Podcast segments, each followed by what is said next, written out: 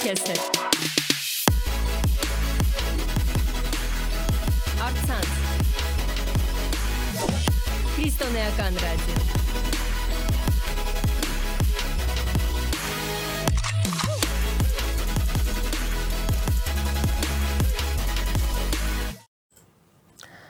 Ողջույն բոլորին։ Դուք դիտում եք Vol Radio-ի Facebook-յան ուղիղ եթերը եւ այսօր մեր տաղավարում է գտնվում Կիևի կյանքի խոսք եկեղեցու հովիվ Արթուր Մուսայելյանը եւ այսօր մենք խոսելու ենք միասին միսիա թեմայի շուրջ։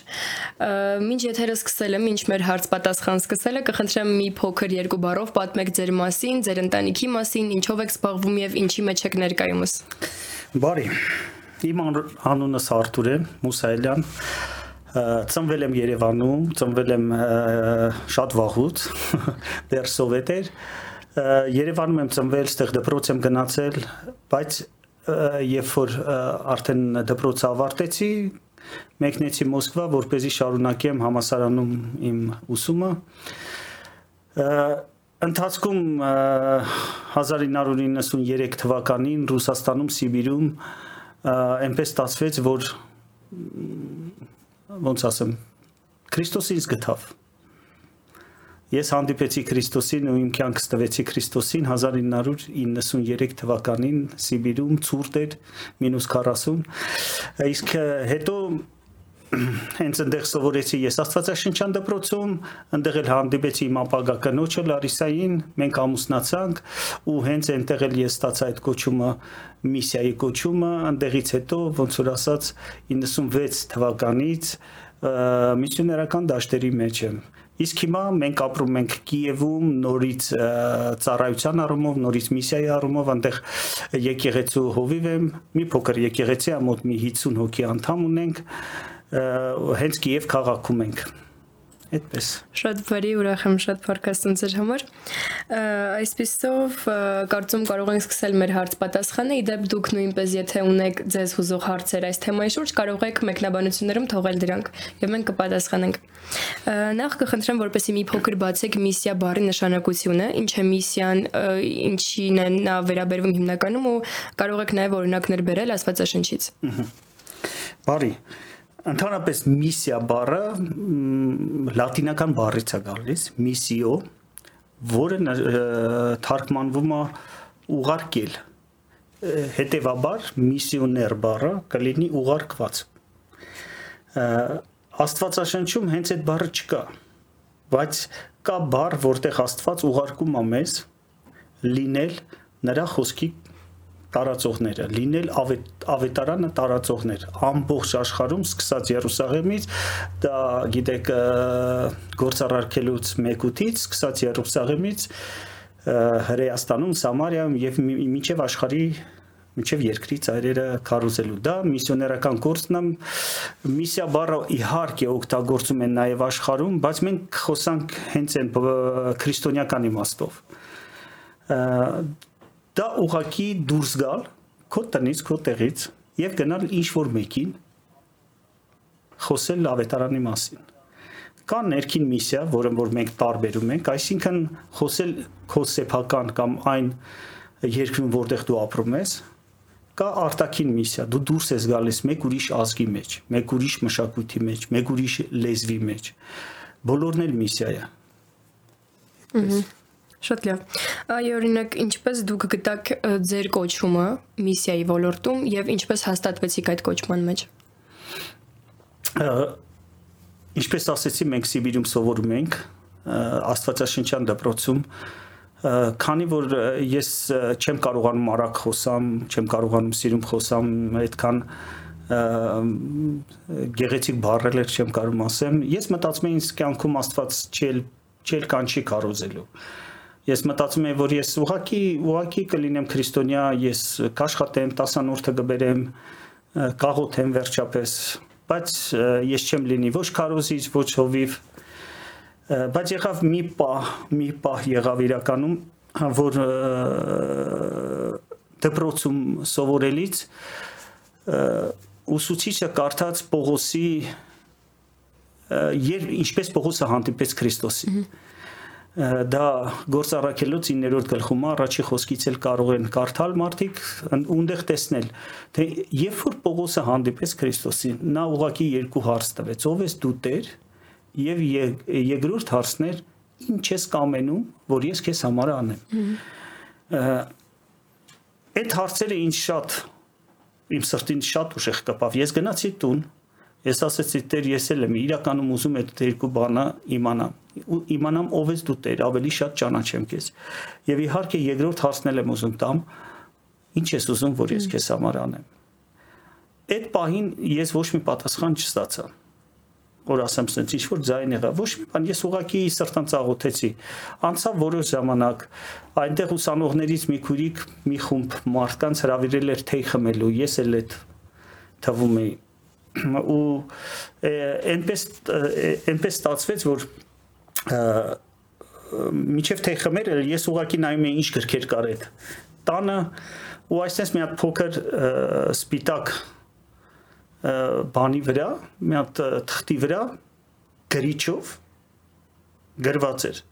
Ռուսերեն գրված էր մալիս զա տաջիկստան աղոթիր տաջիկստանի համար Տաջիկստանը ինձ համար օտար երկիր էր այնքանով որ ես ոչ ընկեր եմ ունեցել, ոչ ծանոթ, ոչ ոչ էլ եղել եմ այնտեղ։ Ու ես մտածեցի թե եթե ես աղոթեմ, երևի Հայաստանի համար աղոթեմ, կամ էլ դե вообще-то ինձ համար կաղոթեմ, բայց այնպես ստացվեց, որ այդ գրածը, այդ գրիչով գրածը դրանից հետո այդ այդ տնից հետո միշտ իմ աշկի առաջ էր, միշտ։ Ես չգիտեի ինչ անեի ոնց որ իմ աշկի առաջ լիներ Մալիս զա Տաջիկստան աղոթիր Տաջիկստանի համար ու գիտեք ոնց եղավ օրերից մի օր երևի անցավ մի ամիս կամ ավել դաժե ես ասեցի լավ աղոթեմ միգուցե էսի գնայեմ աշկերի առաջ ու ես աղոթեցի ասեցի Տեր ես խնդրում եմ օրնիր այդ Տաջիկստան այդ Տաջիկստանցիներին էլ օրհնի տաջիկներին օրնի ու մի նորմալ մարդ ճարի թող գնա իրանց ավետարանը պատմի ամեն աղոթեցի տենց ու ինչ եղավ դրանից հետո այդ բանը այդ գրվածքը իհարկե հեռացավ բայց հիմա անգելա իմ սրտի մեջ ու վառվում է անգելա իմ սրտի մեջ ու վառվում է ես չգիտեմ ինչ անեմ ես մի բանից վախենում էի ոչ թե նրանից որ իհարկե ես կարամ չգնամ, չէ՞, կարամ չգնամ։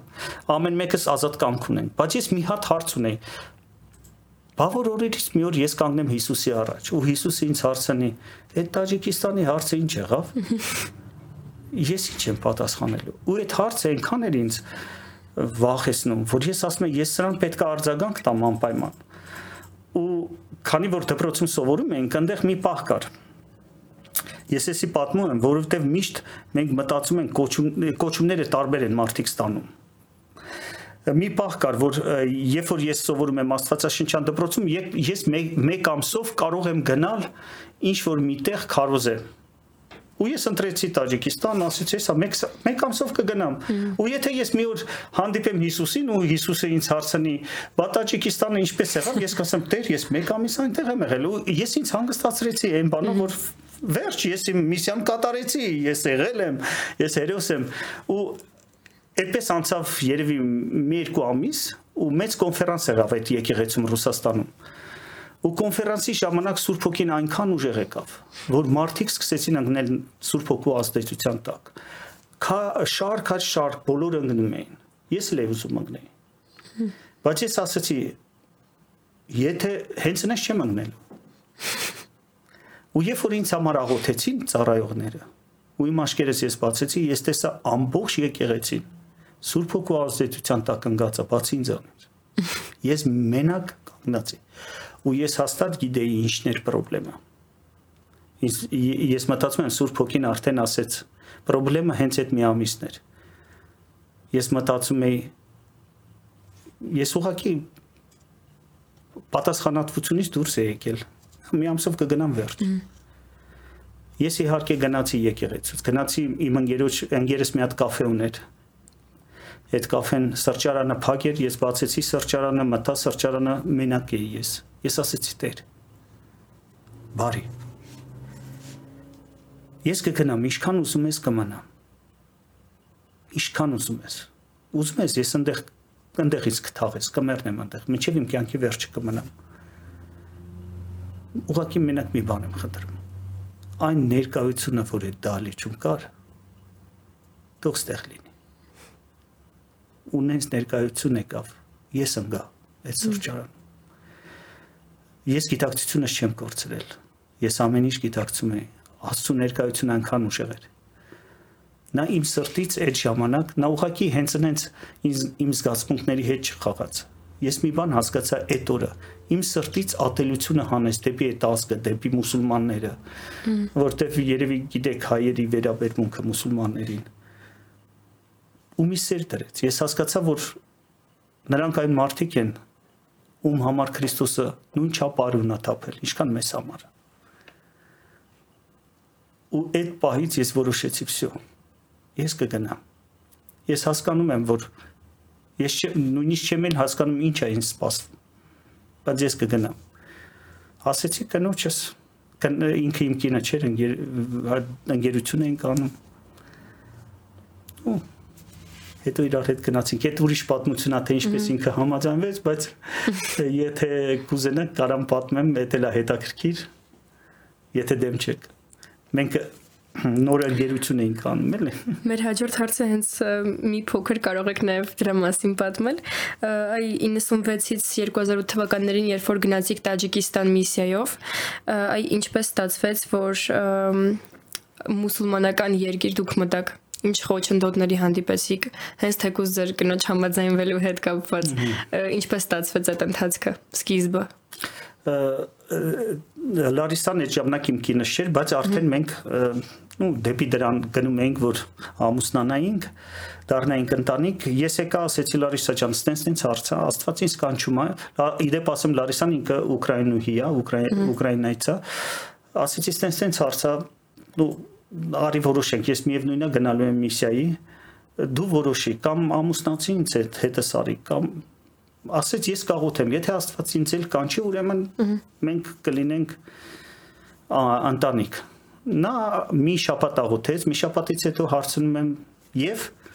ասում Աստված ոչ մի բան չի ասում։ Լասի լավ, մի շաբաթ էլ սպասեն։ Երկրորդ շաբաթը նորից ոչ մի բան, երրորդ շաբաթը ոչ մի բան։ Այդ ժամանակ ես ասեցի լսի, այս եկեղեցում մի հատ կանադայից ընտանիք կա եկել են, իրանք միսիոներ են արդեն 20 քանի տարի։ Գնանք իրանք հարցնենք։ Իրանք փորձ կունենան։ Իդեպ ասեմ, հարցնելը վատ բան չի։ Գնացինք, պատմեցի ամեն ինչ, ինչպես է ինձ Աստված կանչել, ասեցի նաև այս աղջիկը ուզում ինձ հետ ամուսնանա, բայց իրան Աստված ոչ մի բան չի ասում։ Մենք ուզում ենք հասկանանք ինչպես վարվել։ Այդ ժամանակ իրանք ռուսերեն բարխ օգտագործեցին, ասեցին «Хочешь замуж»։ Ասեց «Да, хочу»։ Ասեցին «Тогда иди замуж» ու հետ իր համար խոսք էր որ գնա իր ամուսնու հետևից այ դրանից հետո իրականում փարկասուն իմ կնոջ համար նա հավատում է որ եթե Աստված ինձ հետ խոսացել է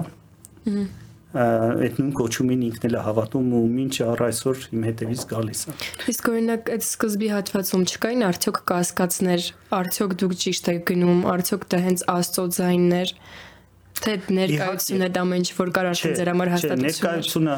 ներկայությունը իհարկե ես հիշում եմ ինչ հիմա էլ որ պատմեմ մի քիչ հուզվում եմ որտեվ ամեն ինչը որ հիշում ես իհարկե բայց ներկայությունը գարանտիա չի որ ոչ մի կասկած չի լինի իհարկե կային կասկածներ կար վախ ժամանակ առ ժամանակ կասկածներ կային խոչընդոտը մի քանի բաներ խոչընդոտը ասենք ես վերադարձա Հայաստան հիմա ես ոնց իմ բարեկամներին բացատրեմ ուր եմ գնում բոլորն էլ չկար մեկը որ եկեղեցուց լիներ ասենք ասեր նորմալ է ինչի եմ ես այդ մուսուլմաններին քրիստոնեություն կարոզում այդ այդ մի խոչընդոտ էր մյուս խոչընդոտը դա ֆինանսականն էր այդ այդ թվերին իրականում Հայաստանում այդքան շատ ֆինանսներ չկար հաջորդ խոչընդոտը, երբ որ մենք արդեն գնացինք տեղ հասանք, դա այդ ազգի մտածելակերպը, վերաբերմունքը, որին ես պետքա իրականում ես պետքա հասկանայի ինչի են այս մարդիկ այդպես մտածում։ Էդ էլ էր խոչընդոտ։ Բայց մի բան ասեմ, երբ որ խոչընդոտներ կան, կան վախեր, կան կան հիասթափություն, միշտ երբ որ ես կանգնել եմ Աստծո առաջ, ես աղոթքի ժամանակ Աստված իր շնորհքով ինձ մխիթարել է խաղաղություն ա տվել իմ սրտում համարցակություն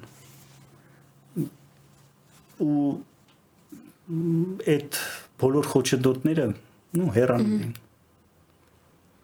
Այդպես։ Այո, օրինակ այդ սկզբի ժամանակահատվածի ամենամեծ դժվարությունները, որոնց հետ դուք բախում եք ունեցել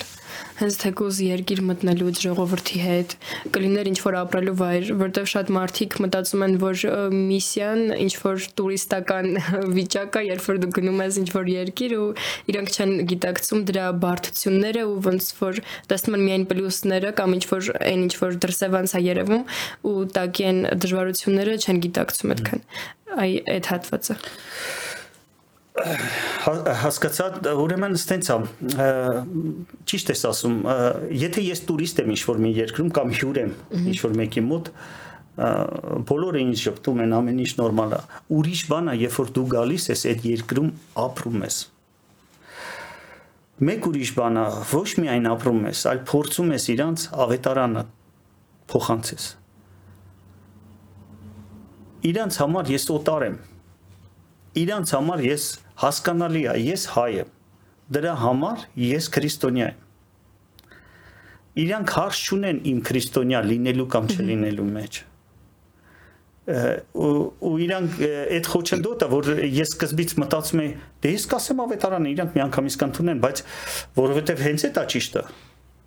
Հորանը սխալ է ամեն ինչ սխալ է այնտեղ բայց ես տեսա որ ոչ իրանք չեն ընդունում ատելություն էլ կար ասենք չեմ կարող ասեմ որ դեպի ձեզ դեպի ինձ չեմ կարող ասեմ որ դա բոլորի մոտ էր որ ամբողջ ժողովրդը ինձ ատում էր այդպես բան չի եղել եղել են մարդիկ որ լավ էլ վերաբերվել են բայց կային մարդիկ որ ատել ատելություն ունեին փորձում էին ուրիշներին էլ բարձրացնել իմ դեմ եթե դա խոչընդոտ է գիտեք այսքան ժամանակ որ անցել է այդ խոչընդոտները այդքան չեն հիշվում հիշվում են այն հիշում եմ միայն այն ուրախությունը որ Աստված համարել է որ ես հավատարիմ եմ ու կարող եմ իրան ծառայեմ մի բան էլ ինձ իրականում շատ sense ոնց որ ասած թևեր տվեց որ ես միևնույնա գնամ ու չհիասթափեմ դա Գրիգոր Լուսավորիչի պատմությունն էր որ ես իմացա որ Միջև այդ ես չգիտեի, որտեվ միջ իմ ապաշխարությունը ես ընդհանրապես եկեղեցական կյանք լինի թե Աստծու հետ փոխհարաբերության հետ ես ընդհանրապես չունեի, բայց երբ որ իմացա ու իմացա որ Գրիգոր Լուսավորիչը Պարսկաստանից է եկել։ Ինձ մոտ մի հատ հարց եղավ։ Այդ ինչու Պարսիկները ունեցան մի ворթի, որը փրկեց մեր ազգը իսկ մենք չունենք այդ մի ворթին որ փրկեր այդ պարսիկներին իդեպ ասեմ տաջիկները այդ պարսիկներն են նույն ու այդ հարցը ինձ շատ ասեցի դեր եթե պետք է ես կարող եմ լինել այդ ես գիտեմ ոչ միայն ես եմ Փառք Աստծուն այսօր շատ հայերը շատ մուսուլմանական երկրներում քարոզում են ու ես ուրախ եմ դրա համար ու այդքան Շատ լավ։ Սիրելիներս, եթե դուք նույնպես ունեք հարցեր, կարող եք ձեր հարցերը թողնել մեկնաբանություններում եւ բոլոր նոր միացածների համար հիշեցնեմ, որ այսօր մեր տաղավարում է գտնվում Կիևի կյանքի խոսք եկեղեցու հովիվ Արթուր Մուսալյանը ու մենք խոսում ենք միսիա թեմայի շուրջ։ Շատ լավ։ Այ ըստ ձեզ, դժվար է արդյոք մուսուլմաններին քարոզել կամ ավելի դժվար է մուսուլմաններին քարոզել ավետարանը թե քրիստոնյաներին։ Լավ, ասես մի հատ բան ասեմ, քրիստոնյաներին էլ պետք չի ավետարան կարոզել իրար քրիստոնյային։ Ես իհարկե հասկանում եմ քրիստոնյաներին քրիստ, նո ասենք բոլոր հայերը իրանց հասվում են քրիստոնյա, բոլոր ռուսները իրանց հասվում են քրիստոնյա, երևի էդի նկատի ունեք։ հա ավելի շատ։ Կան պլյուսեր։ Միանշանակ եւ կա դժվարություն։ Ես կարամ երկուսն էլ ասեմ, օրինակ պլյուսը ասեմ, ինչքան ավելի հեշտ է, ինչումն է հեշտ է իրենց կարոզել։ Նախ եւ առաջ իրանք հաստատ գիտեն, որ քրիստոնյա չեն։ Իսկ այսպես կոչված քրիստոնյաները իրանք մտածում են մենք քրիստոնյա ենք, ինչի՞ է մեզ կարոզում։ Այն մենք մենը հավատում ենք։ Ու դրա համար այս կողմից ոնց որ պլյուսը նրանումն է, որ սև ու սպիտակ այնտեղ։ Դու կամ քրիստոնյա ես, կամ ոչ։ Դու կամ հավատում ես, քո կյանքը տալիս ես Քրիստոսին, կամ չես տալիս դա։ Որտեվ իրանք չեն ծնվել այսպես կոչված քրիստոնեական երկրում։ Ու դրա համար այդ այդ մոմի այդ կողմից ինձ համար պլյուս էր բայց կան մինուսներ իհարկե, որովհետև դու իրանց համար միշտ թշնամի ես, դու իրանց համար իրանք կոֆիր բառն են օգտագործում, այսինքն անհավատ, երկրորդ սորտի մարդ այդ կոմից կա դժվարություն, որ իրանք արհամարում են։ Իհարկե կա։ Իսկ որն է օրինակ եղել ձեր ամենամեծ հարվածը այդ դաշտի մեջ։ կամ թեկուզ եղել են օրինակ իրավիճակներ, որ ձեր կյանքի սպառնացող վտանգ թեկուզ լինի, չէ՞ որ մուսուլմանական երկրում եք եղել։ Կյանքի սպառնացող վիճակ։ Պրոստը ես չեմ կարող ասեմ դա հարված է, բայց կարամ այդ պատմությունը պատմեմ, երբ որ տենց իրավիճակ եղել է, ես ուրեմն մի քաղաքից մյուս քաղաք պետքա գնայի, որ เป զի էլի քարոզեի ասեմ իդեպ Տաջիկստանը Սարուձորի երկիր է, մեր Հայաստանի նման։ Ու երբ որ ես գնում եի այդ ժամանակ 96 թե 7 թվականներ, երևի 7 թվականներ, այնտեղ պատերազմ էր, քաղաքացիական պատերազմ, տաջիկների մեջ իրար մեջ պատերազմ էր։ Մի մասը ուզում էր, որ Տաջիկստանը դառնար իսլամական այսինքն Իրանց օրենքների շարիատա կոչվում այդ օրենքով երկիր, իսլամական օրենքներով երկիր, մի մասը չեր ուզում, մի մասը, ну, в общем, դից քաղաքացիական պատերազմ էր գնում։ Դրա պատճառով շատ փոքր-փոքր խմբեր կային զինված, որոնք կիսել են ամբողջ երկիրը տարբեր փոքր մասերի,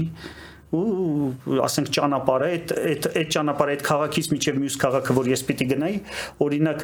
14 մասի կիսված էր այսպես կոչված 14 գեներալ այդ ճանապարհը հսկում էին ու մեքենաները կանգնացնում էին ու մարդկանցից փող էին վերցնում ես եկա որ տաքսի վերցնեմ ու գնամ իմացա որ այդպիսի բան կա 14 գեներալ փող են վերցնում ես տաքսիստին ասեցի գիտեք արի ես քեզ մի քիչ ավել փող տամ, բայց ես դուրս չգամ, էլի, հետները խոսամ։ Դու գիտես ով իշքանա վերցնում։ Ինքը ասեց, այո, ես կարամ այդ ամեն ինչ անեմ, բայց կա մի post կամ մի գեներալ, որտեղ դու ինքդ պետքա տաս։ Պատասխանը։ Իրանք այնտեղ ամեն մեկի առանձին են։ Ես մտածեցի դե 14-ից մեկը, հա, հավանականությունը կլինի որ կանցնեմ ուրեմն այդ տաքսու մեջ այդ ուրեմն ես եմ վարորդը ու երկու կին տաջիկին հետևն էին նստած մենք գնացինք գնացինք բոլոր տեղ վարորդ ինքը դուրս էր գալիս ինքը պատասխան էր տալիս բայց այդ երբ որ հասանք այդ գեներալի պոստին դա հենց կենտրոնում էր հենց մեջտեղներ երբ որ հասանք այնտեղ զենքերով ավտոմատներով մոտեցան այդ մրուքներով իսլամական այդ շարժից էին իրանք մոտեցան ու մեր փաստաթղթերը ուզեցին, մեր անձնագրերը ուզեցին, երբ որ ես իմ անձնագիրը տվեցի, իրանք շատ ուրախացան, որովհետև բոլորի անձնագիրը կարմիր գույներ, իմը սկալպույտ հայկական անձնագիրեր, իրանք մտածեցին արտասամանցի են բռնել, ուրախացան, բան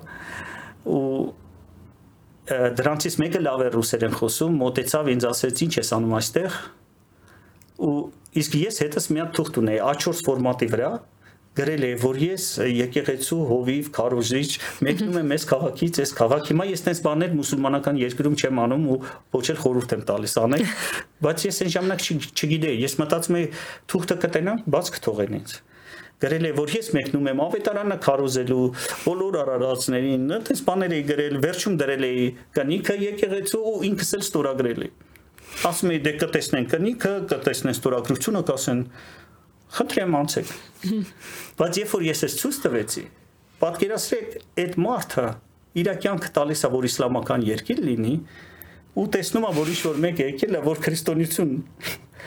ու ինքը ասեց ախ դու եկել ես մեզ քրիստոնյա դարձնես ասեցի այո ու ինքից բրթեց դուք հասկանում եք ձորը որ ես որ բրթեց ես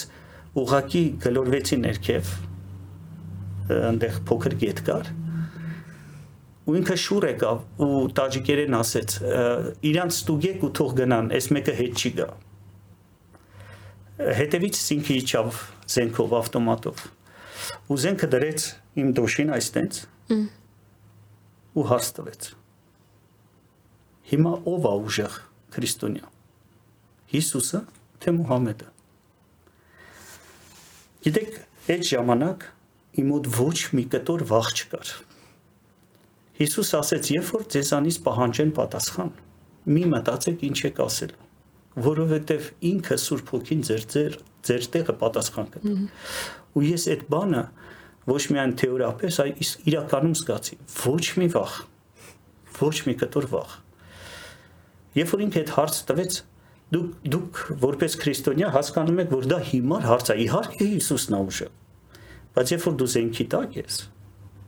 դա հիմար հարց չի դա իմաստուն հարց է ինքը հարցրեց դե հիմա պատասխանի ով է ուժեղ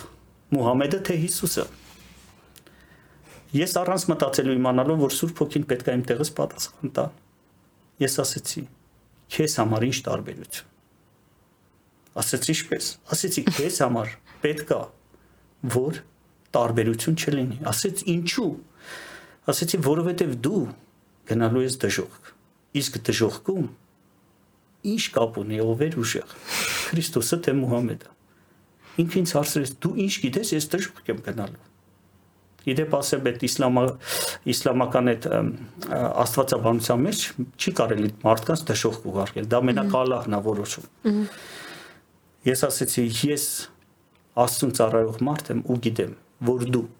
մարդ ես սպանել իսկ մարդասպանը դրախտ չի գնում դու գնալու ես ուղիղ դժոխք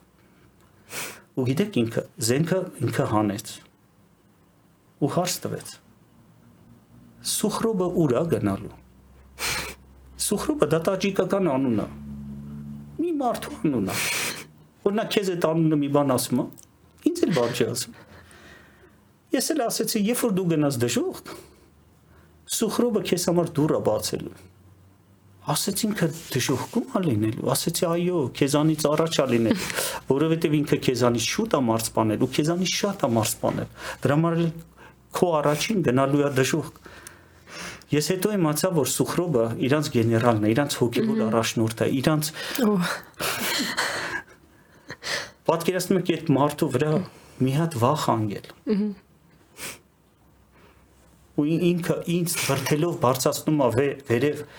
ու գոռում է ինչ որ տաջիկերեն սա հավաքվել են բոլորը զենքով հավաքվել են մեր մեքենայի շուրջը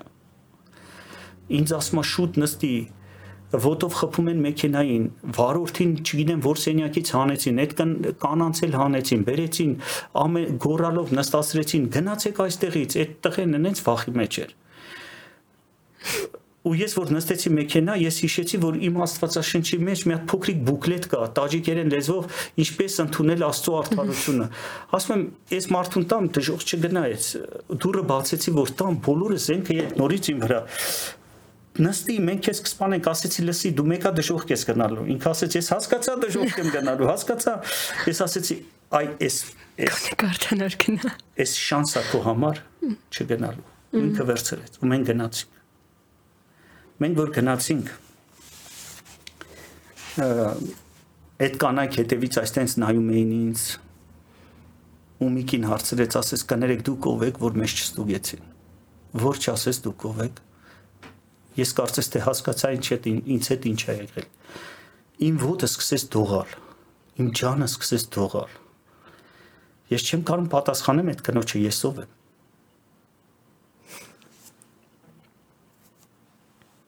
մի քիչ հետո ես իհարկե պատմեցի, ես ով ոչ թե ես ով եմ, ես պատմեցի ով էր ինձ հետ։ Ով ինձ հետ իջավ ձորը։ Ով իմ կողքին կանգնեց, ով ինձ չթողեց ու չլքեց։ Ով ինձ զորություն ու համարձակություն տվեց։ Իրա մասին պատմեցի, ինչ կապ ունի ես ով եմ։ Իրանք էլ լսում են։ Ու Միկին ասես, գիտես, այս Սուխրոբի post-ում ամեն երկրորդ կին բռնաբարված է ու մեզ էլ պետքա բռնաբարեին։ ու իրան փառք տվին Աստծուն։ Մեր Աստծուն։ Եթե տենց սպառնալիքը, ապա մի անգամ էլ է եղել, այդ արդեն Աфghanստանում։ Մեքենայով են գնացել Աфghanistan, իրանց մայրաքաղաքը Քաբուլ քաղաքն է։ Հետ գալուց մեքենան փչացավ։ Մենք մի կերպ մի բնակավայր մութ էր գիշեր էր, մի բնակավայր հասանք ու այդ բնակավայրում քանի որ իրանք հատուկ շորեր ունեն աֆղանցիները ինչ որ մի մի բոլորը մի ձևի շոր են հագնում որ ինձ տեսան ջինսով բանով հասկացան որ ես արտասահմանցի եմ ու այդ այդ քաղաքի կամ գյուղա չեմ անում այդ այդ բնակավայրի տղամարդիկ մոտ մի 50-60 հոգի բոլորը հավաքվել են իմ շուրջը մի հատ էլ մասնագետ գտան, որ փորձեց մեքենան սարքի, ինքը սարքեց վերջում մեքենան, բայց այդ տղամարդիկ, որ հավաքվել են, իրանք ինձանից խմելիք են ուզում սպիրտային օղի կամ գինի կամ պիվա իրանք մի գարեջուր մի բան ուզում են ասում են քանի որ դու արտասահմանցի ես քո մոտ կա իրանք մոտ դա արկելված է չկա տուր մեզ տուր մեզ ասում եմ ես չունեմ ես չունեմ ես ասում եմ ես չեմ խմում մի քիչ իրանք այդ նույն տաջիկերեն լեզուն է, ես այն ժամանակ արդեն կարողանում եի խոսալ։ Ես ասում եմ, ես չունեմ, ես չեմ խմում, բան, իրանք չէին հավատում, իրանք արդեն փորձում են մեքենան շուրջ տային, որ մեքենայի մեջ ամեն ինչ բան անեն, որ գտնեին էդի ու ասես մոտիկանում են ինձ։ Ու այդ մոմենտ իրանցից մեկը հարցրեց, «Բա ինչու չես խմում»։ Ու ես էլ մտածեցի, դե մեկա, ես հիմա գոնե գոնե ավետարանը պատմեմ, ինչ ուզում են թողանեմ։ Ու ես ասեցի, ես չեմ խմում, որովհետև ես հավատում եմ Քրիստոսին։ Ու հաջորդ խոսքը եղավ ավետարան, որովհետև նա իմ ու քո մեղքերի համար մահացել է խաչի վրա։ Ամբողջ ավետարանը պատմեցի, վերջացրեցի։ Այդ մարդը շուռ եկավ իր այդ հետ եկած տղամարդկանց ասում է. «Էդ չի խմում, որովհետև հավատացել է, գնացինք տուն ու գնացինք տուն»։ ու կարծես իհարկե ապաշխարություն չեղավ, ես հավատում եմ նաև։ Ահա որ այդ խոսքը կապավ գոնե մի քանիսի։ Ինչ որտեղ նաև սերմեր սերմեր իհարկե։ Իսկ կային օրինակ միսիայի դաշտում ինչ որ սպասելիքներ ու իրականություն, որոնք չհամանկան իրար։ Իհարկե։ Իհարկե։ Ես մտածում եի որ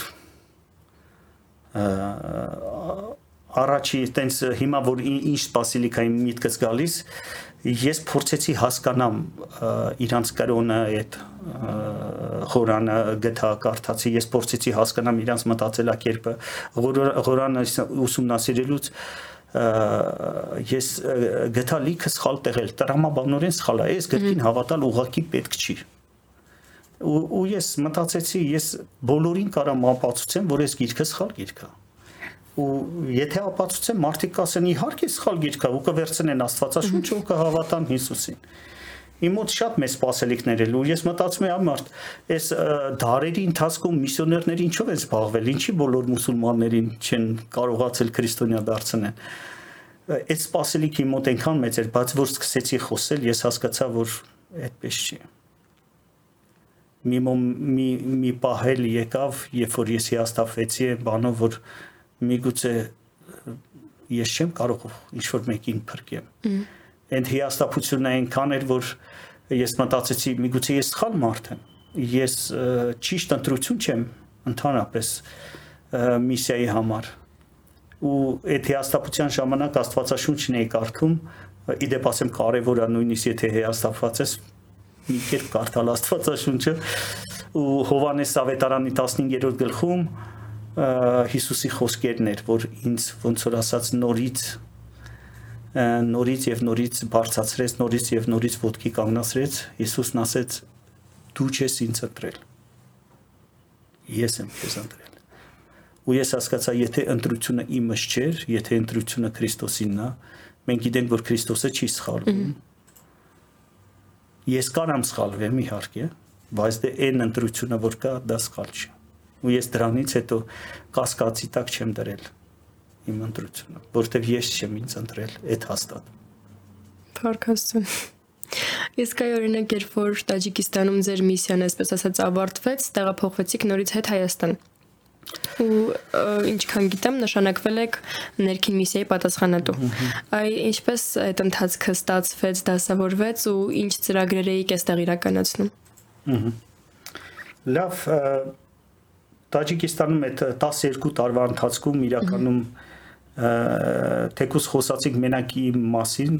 ասեմ որ մենք թողել ենք եկեղեցի։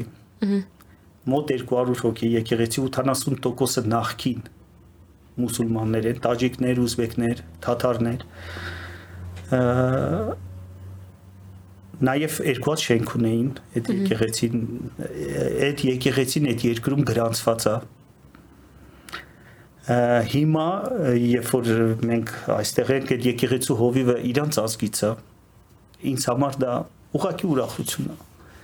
որ իրանց ազգից պատկերացրեք, իրանց ազգից մի անznավորություն կանգնած է։ Շատ հրաշալի է, հոյակապա։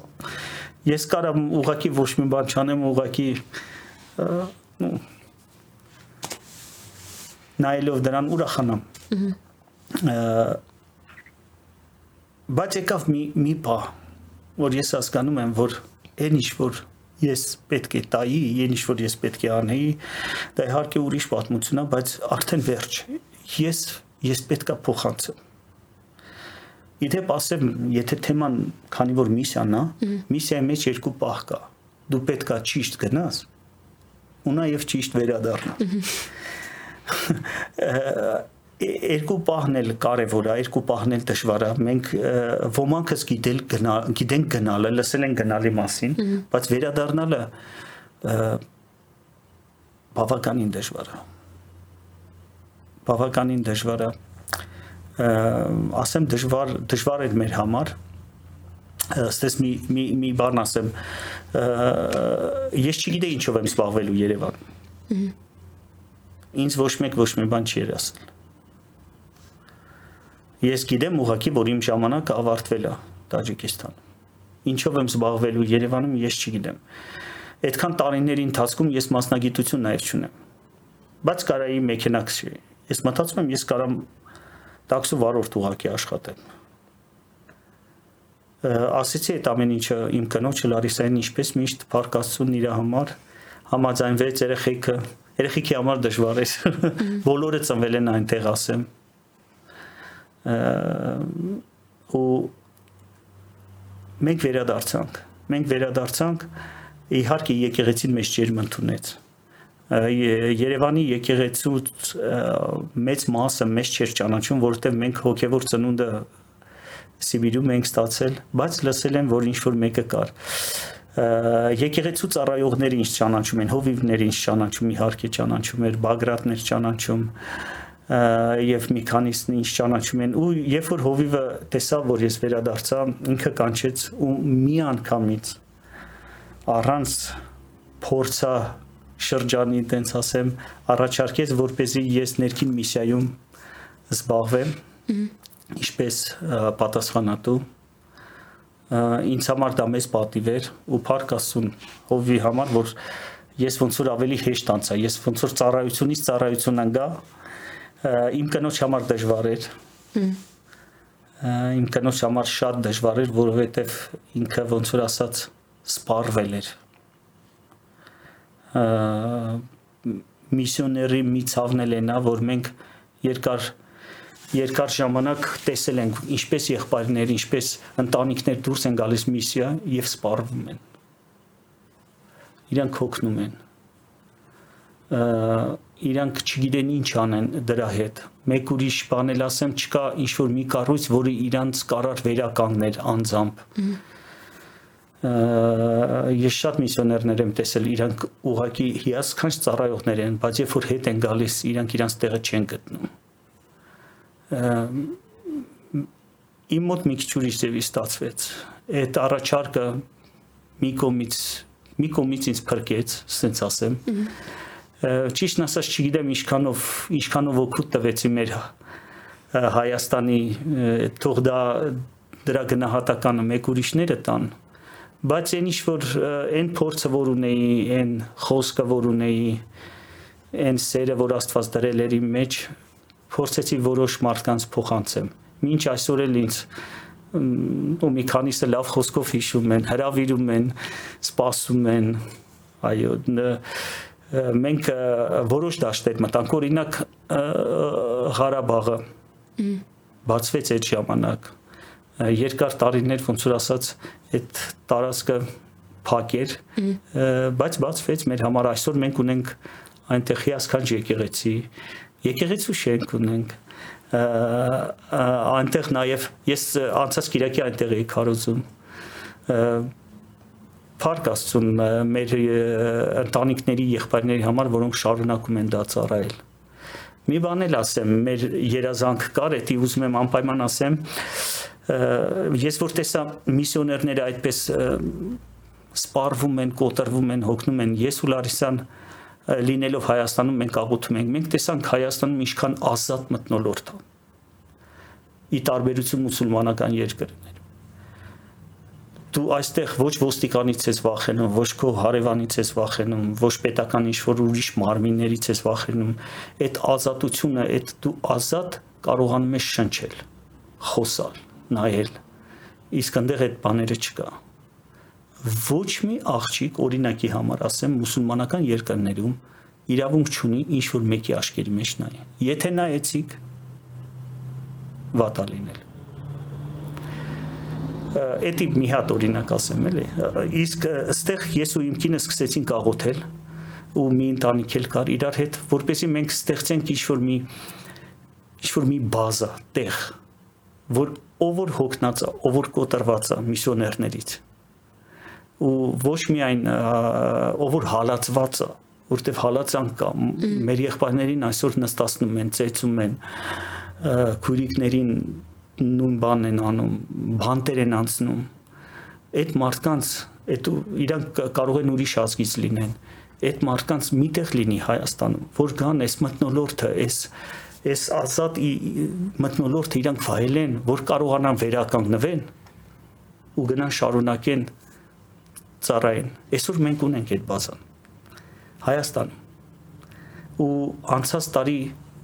50 հոգի, 50 հոգուց ավել այցելեր էր Հայաստան այդ միսիոներներից, հալածվող քրիստոնյաներից, որոնց պետք էր ուղակի վերականգնվել ու իրանք շարունակում են ծառայել Փարք Աստծուն։ Так что Հայաստանը վերականգնման տեղը հիանալի է շատ փորկաստու ձեր համար էլ այ օրինակ այստեղ այդ ամեն ինչից հետո երբ որ ավարտվեց այսպես ասած նաև այս շրջանը ձեր կյանքի դուք ստացաք արդեն խոսք Կիևի համար Ուկրաինայի համար այ ինչպես ստացվեց այդ շրջանը ձեր կյանքի ու ինչպես դուք գնացիք այնտեղ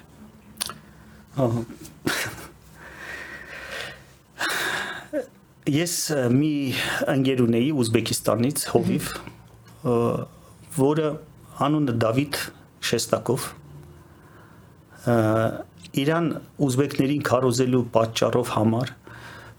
4 տարով նստացրել էին բանտ։ Ինքը մի մի մի հալածանք անցել, ոչ միայն ինքը, իր ամբողջ ընտանիքը,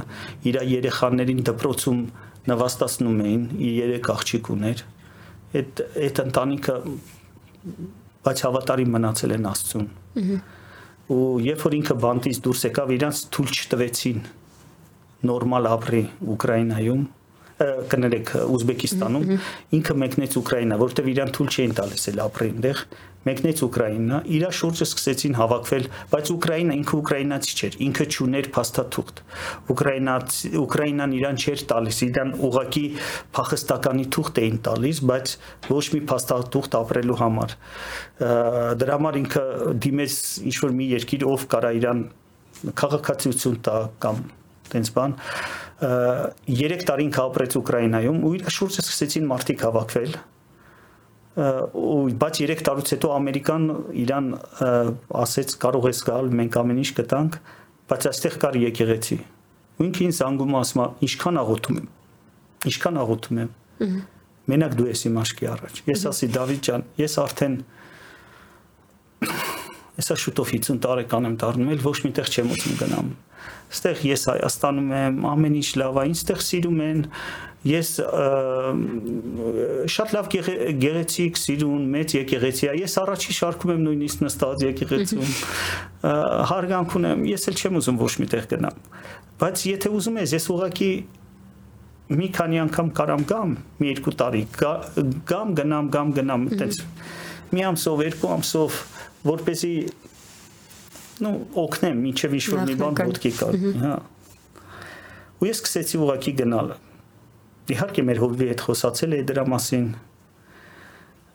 սկզբից ինքը ասում էր մի անգամից գնա մի անգամից գնա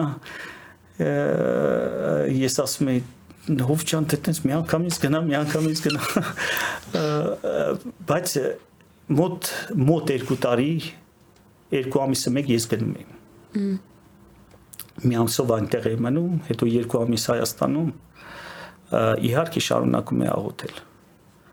Որ շարունակում է աղոթել, ես սպասում եի, որ ինչ որ մի բան Աստված ասի կամ ոնց է լինելու։ Ու եղավ այդ պահը, երբ որ Աստված խոսեց ինձ հետ։ Եղավ այդ պահը ու որոշումը կայացրեցինք նորից այնտեղ ուրիշ այտենց մի քիչ ավելի երկար է ինչ ես հարցրեցի իհարկե ասում ես ինչ պիտի անեմ որտեվ Ուկրաինան դա Տաջիկստանը չի, դա Սիրիան չի, դա Լիբանանը չի, այնտեղ շատ կան հավատացյալներ։ Ես եթե ես պիտի գնամ ու նույն բանը անեմ, ինչ իմ եղբայրներն են այնտեղ անում, ապա ինչու ես ինձ կանչում։ Եթե ես պիտի գնամ, կա ուրեմն ինչ որ մի առաջադրանք։ որը դու մտածում ես Տեր, որ ես պետք է անեմ։ Ու Տերը խոսեց կոնկրետ նպատակ, տեսիլք, որը որ Աստվածաշնչով տեղ, որը որ ես պետք է անեմ այնտեղ։ Ու նորից եկա, եկա կնոջ ասեցի հետաքրքիր էր կինս ասեց ես չեմ գալիս Ուկրաինա, մնում եմ Հայաստան, ես այդ ուկրաինացիներին ճանաչում եմ, չեմ ուզում այնտեղ։ Բայց ուղղակի նա ասեց, նա լաղոթեց, սրտում ստացավ եւ իրար հետ հիմա այնտեղ ենք։ Իմ երկու աղջիկը այնտեղ է, որտիս այս այստեղ մնաց Հայաստանում, մեր հետ չի ուզում գա։ Այդպես։ Իսկ եթե օրինակ իմանայք, թե ձեզ նախապես իմանայք, ինչ է ձեզ սպասվում միսիայի դաշտում, իմանալով հանդերձ կմտնեիք այդ դաշտ արի իմանալով բոլոր դժվարությունները ամեն ինչ իմանալով այդ դժվարություն բայց ի նկատի ունես ես իմանում եմ ոչ միայն այդ դժվարությունը նաև իմանում եմ Քրիստոսին հա հա ամեն ինչ այո կմտնեի եթե Քրիստոսին գիտեմ կմտնեի ես 26 տարեկան եմ եղել որ գնացել եմ Տաջիկստան 3 տարվա հավատացյալ եմ եղել ընդհանրապես 26 տարեկան վերադարձել եմ Հայաստան 38 տարեկանում։ Ես հասկանում եմ, դա միգուցե ամենանենց լավ տարիներն են եղել։ Ես այդ տարիները հետ չեմ կարող բերեմ։ Բայց ուզում եմ ասեմ, ոչ էլ ուզում եմ հետ բերեմ։ Ես գոհ շնորհակալ եմ իմ Տեր Հիսուս Քրիստոսից, որ նա համարեց ինձ հավատարիմ, ուղարկեց ինձ։ Ես այսօր տաջիկներից մի բան ասեմ, տուն պետքա վարձենք Ուկրաինայում։ Առաջիներից ով ազանգել, որ ասի մենք գումարով քեզ կօգնեն։ Դրանք տաջիկներն են։ Իմ լաց ես ուղակի արդյունքներս թափում եմ։ Ինչպես ինչպես տաջիկը ինձ փող ուղարկում։ Որ ես կարողանամ տուն վարձեմ։ Փարքաստուն իրականում իրականում Փարքաստուն նաև ձեր կնոջ համար, որ եկել է ձեր հետևից Իրականում ինքը ինքը այ հերոս ինքն է։ Երեք հատ երեխա ունենալ Տաջիկստանում, որտեղ չկա բժշկություն։ Բացակայում ընդհանրապես հերոսությունն է։ Սիրելիներս, մեր այսօրվա եթերը մոտեցավ իր ավարտին։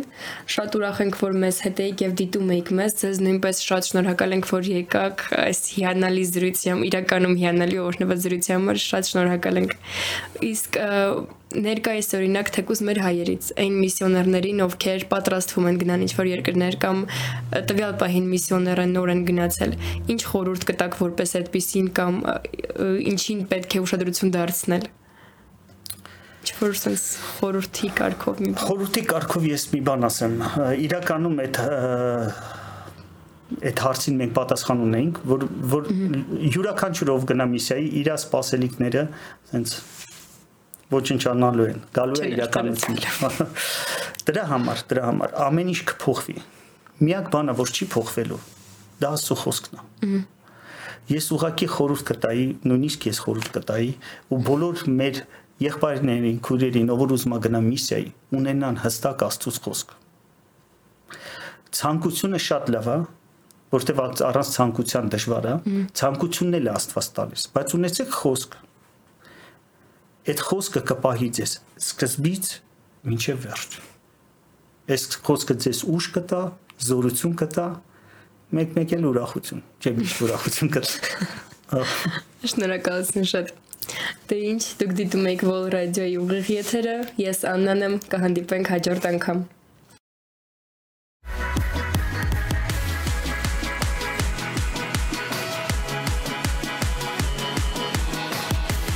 Արագ։ Միշտ քեզ հետ։ Արցանց։ Քրիստոնեական ռադիո